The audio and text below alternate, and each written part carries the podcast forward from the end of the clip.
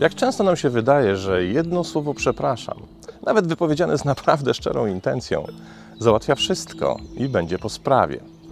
Kiedy coś nabroimy, kogoś skrzywdzimy czy zranimy, kiedy zrobimy komuś przykrość, zawiedziemy jego nadzieję, czy też po prostu zachowamy się w nieodpowiedni sposób. Wówczas słowo przepraszam, wypowiedziane ze skruchą, powinno być wystarczającym zadośćuczynieniem i sprawić, by nasze relacje wróciły do stanu sprzed naszego przewinienia. Niestety, bardzo się w tym względzie mylimy, bo jedno słowo przepraszam nie załatwia sprawy. A tak, prawdę mówiąc, nie załatwia niczego. Ile razy ktoś cię za coś przeprosił i czułeś pewien niedosyt? Nawet kiedy w końcu machnąłeś na to ręką i postanowiłeś odpuścić, gdzieś z tyłu głowy czułeś, że sprawa nie została do końca załatwiona. Albo w drugą stronę, kiedy to ty byłeś przepraszającym, składałeś przeprosiny i po czyimś zapewnieniu, okej, okay, nie ma sprawy, jednak czułeś, że jakaś niezałatwiona sprawa została. Ale ten ktoś do tego już nie wracał, więc sam po krótkim czasie uznałeś, że może rzeczywiście nic się nie stało, więc właściwie nie ma już powodu, by niepotrzebnie rozgrzebywać stare rany. W końcu przecież czas powinien wszystko zagoić i spowodować, że ten drugi ktoś o tym, co zrobiłeś, prędzej czy później i tak zapomni. Lubimy tak myśleć, ponieważ takie myślenie zdaje się skutecznie usuwać to niepokojące napięcie, które powstaje w chwili przeprosin i w efekcie którego czujemy określony dyskomfort we własnym wnętrzu. Jednak to tylko wierzchołek góry lodowej, bo takie, nazwijmy je po imieniu, płytkie przeprosiny nie powodują, że relacja pozostaje nienaruszona. Im więcej przewinień, im więcej takich przeprosin, tym temperatura relacji opada, by w końcu zupełnie zgasnąć, pozostawiając po sobie niesmak wyrażany słowami: Zerwałam z nim, bo niczego się nie nauczył. Rozstaliśmy się, bo w ogóle nie zdawała sobie sprawy z tego, co robi. Czy w końcu okazał się egoistą nieczułym na czyjeś zranione uczucia.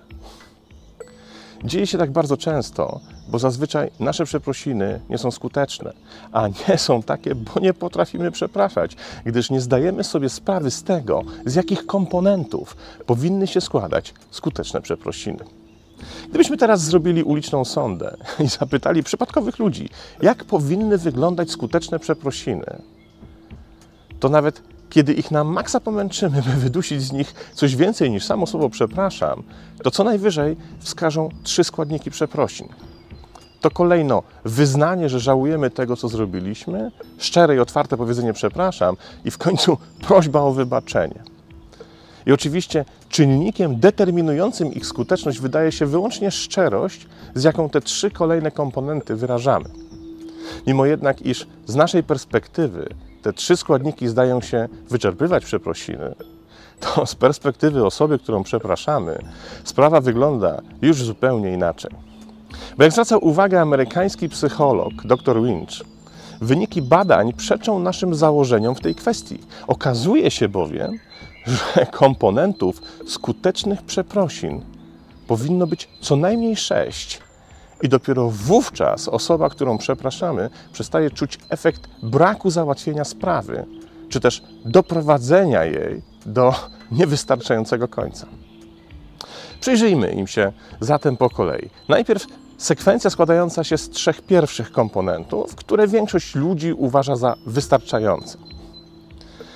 Pierwszym jest wyznanie żalu, czyli ekspozycja określonej emocji, która powinna towarzyszyć temu, że zorientowaliśmy się, że uczyniliśmy źle. To szczere wyznanie, że żałujemy, że stało się jak się stało. Po co ten komponent przeprosin? Ano po to, by przepraszany mógł uznać, że nas również poruszyło emocjonalnie to, co zrobiliśmy. Bez tego komponentu, bez ekspozycji naszego poruszenia, nie jesteśmy w stanie nikogo przekonać, co do tego, że w ogóle zauważyliśmy nasz błąd, czy też do tego, że w jakiś sposób obeszło nas to, co się stało. Drugim komponentem jest otwarte powiedzenie przepraszam. I tutaj żadne milczenie pozostawiające zranioną osobę w domysłach nie wystarczy. Słowo przepraszam musi paść z naszych ust. Musi być wypowiedziane wprost do tej osoby, którą przepraszamy.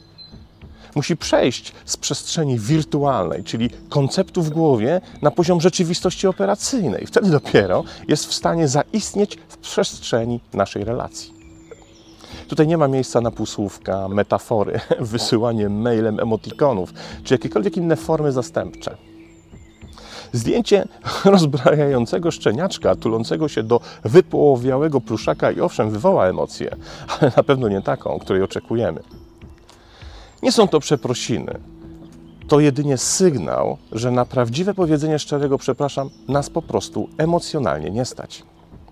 To tak, jakbyśmy nie byli w stanie przyznać się do błędu.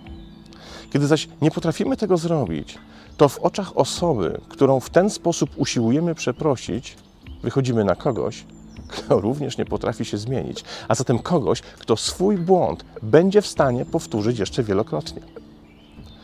Wypowiedzenie szczerego i otwartego przepraszam jest związane z poczuciem odpowiedzialności, którą bierzemy za swoje własne czyny. Pokazując, że nie potrafimy otwarcie przeprosić, jednocześnie pokazujemy, że nie możemy być odpowiedzialni, że odpowiedzialność jest czymś, co nas po prostu przerasta. Trzeci komponent to prośba o wybaczenie. Mimo, że wielu osobom myli się ona z przeprosinami, nie są to te same rzeczy. Kiedy przepraszamy, wyrażamy siebie, czyli wektor uwagi jest zwrócony do nas. Kiedy prosimy o wybaczenie, wektor uwagi jest zwrócony w kierunku kogoś, kogo o to prosimy. Prośba o wybaczenie to prośba o to, by ktoś w swojej własnej głowie udzielił nam rozgrzeszenia. To proces, który ma się odbyć poza nami i na który nie mamy tak naprawdę wpływu. Zaś jedyne, co możemy zrobić, to o dokonanie takiego wybaczenia poprosić. To, czy zostanie ono dokonane, zależy już wyłącznie od osoby, którą o to prosimy, bo to zawsze jest jej autonomiczna decyzja. I nie ma tutaj znaczenia, jak długo i intensywnie będziemy naciskać. W skrajnych wypadkach usłyszymy, że zostało nam wybaczone, ale nie dlatego, że tak się stało, tylko dlatego, żebyśmy się wreszcie odczepili i dali zranionej osobie spokój. To żadne wybaczenie, to wyłącznie jego iluzja, która tylko i wyłącznie pogarsza sprawę. I tutaj, po tym trzecim komponencie, zazwyczaj nasza wiedza co do mechanizmu przeprosin się wyczerpuje. Tyle, że jak wskazuje wspomniany wcześniej Winch, to zaledwie połowa drogi. Czwartym komponentem na liście skutecznych przeprosin jest coś, co badacze określili przyznaniem wartości drugiej osoby.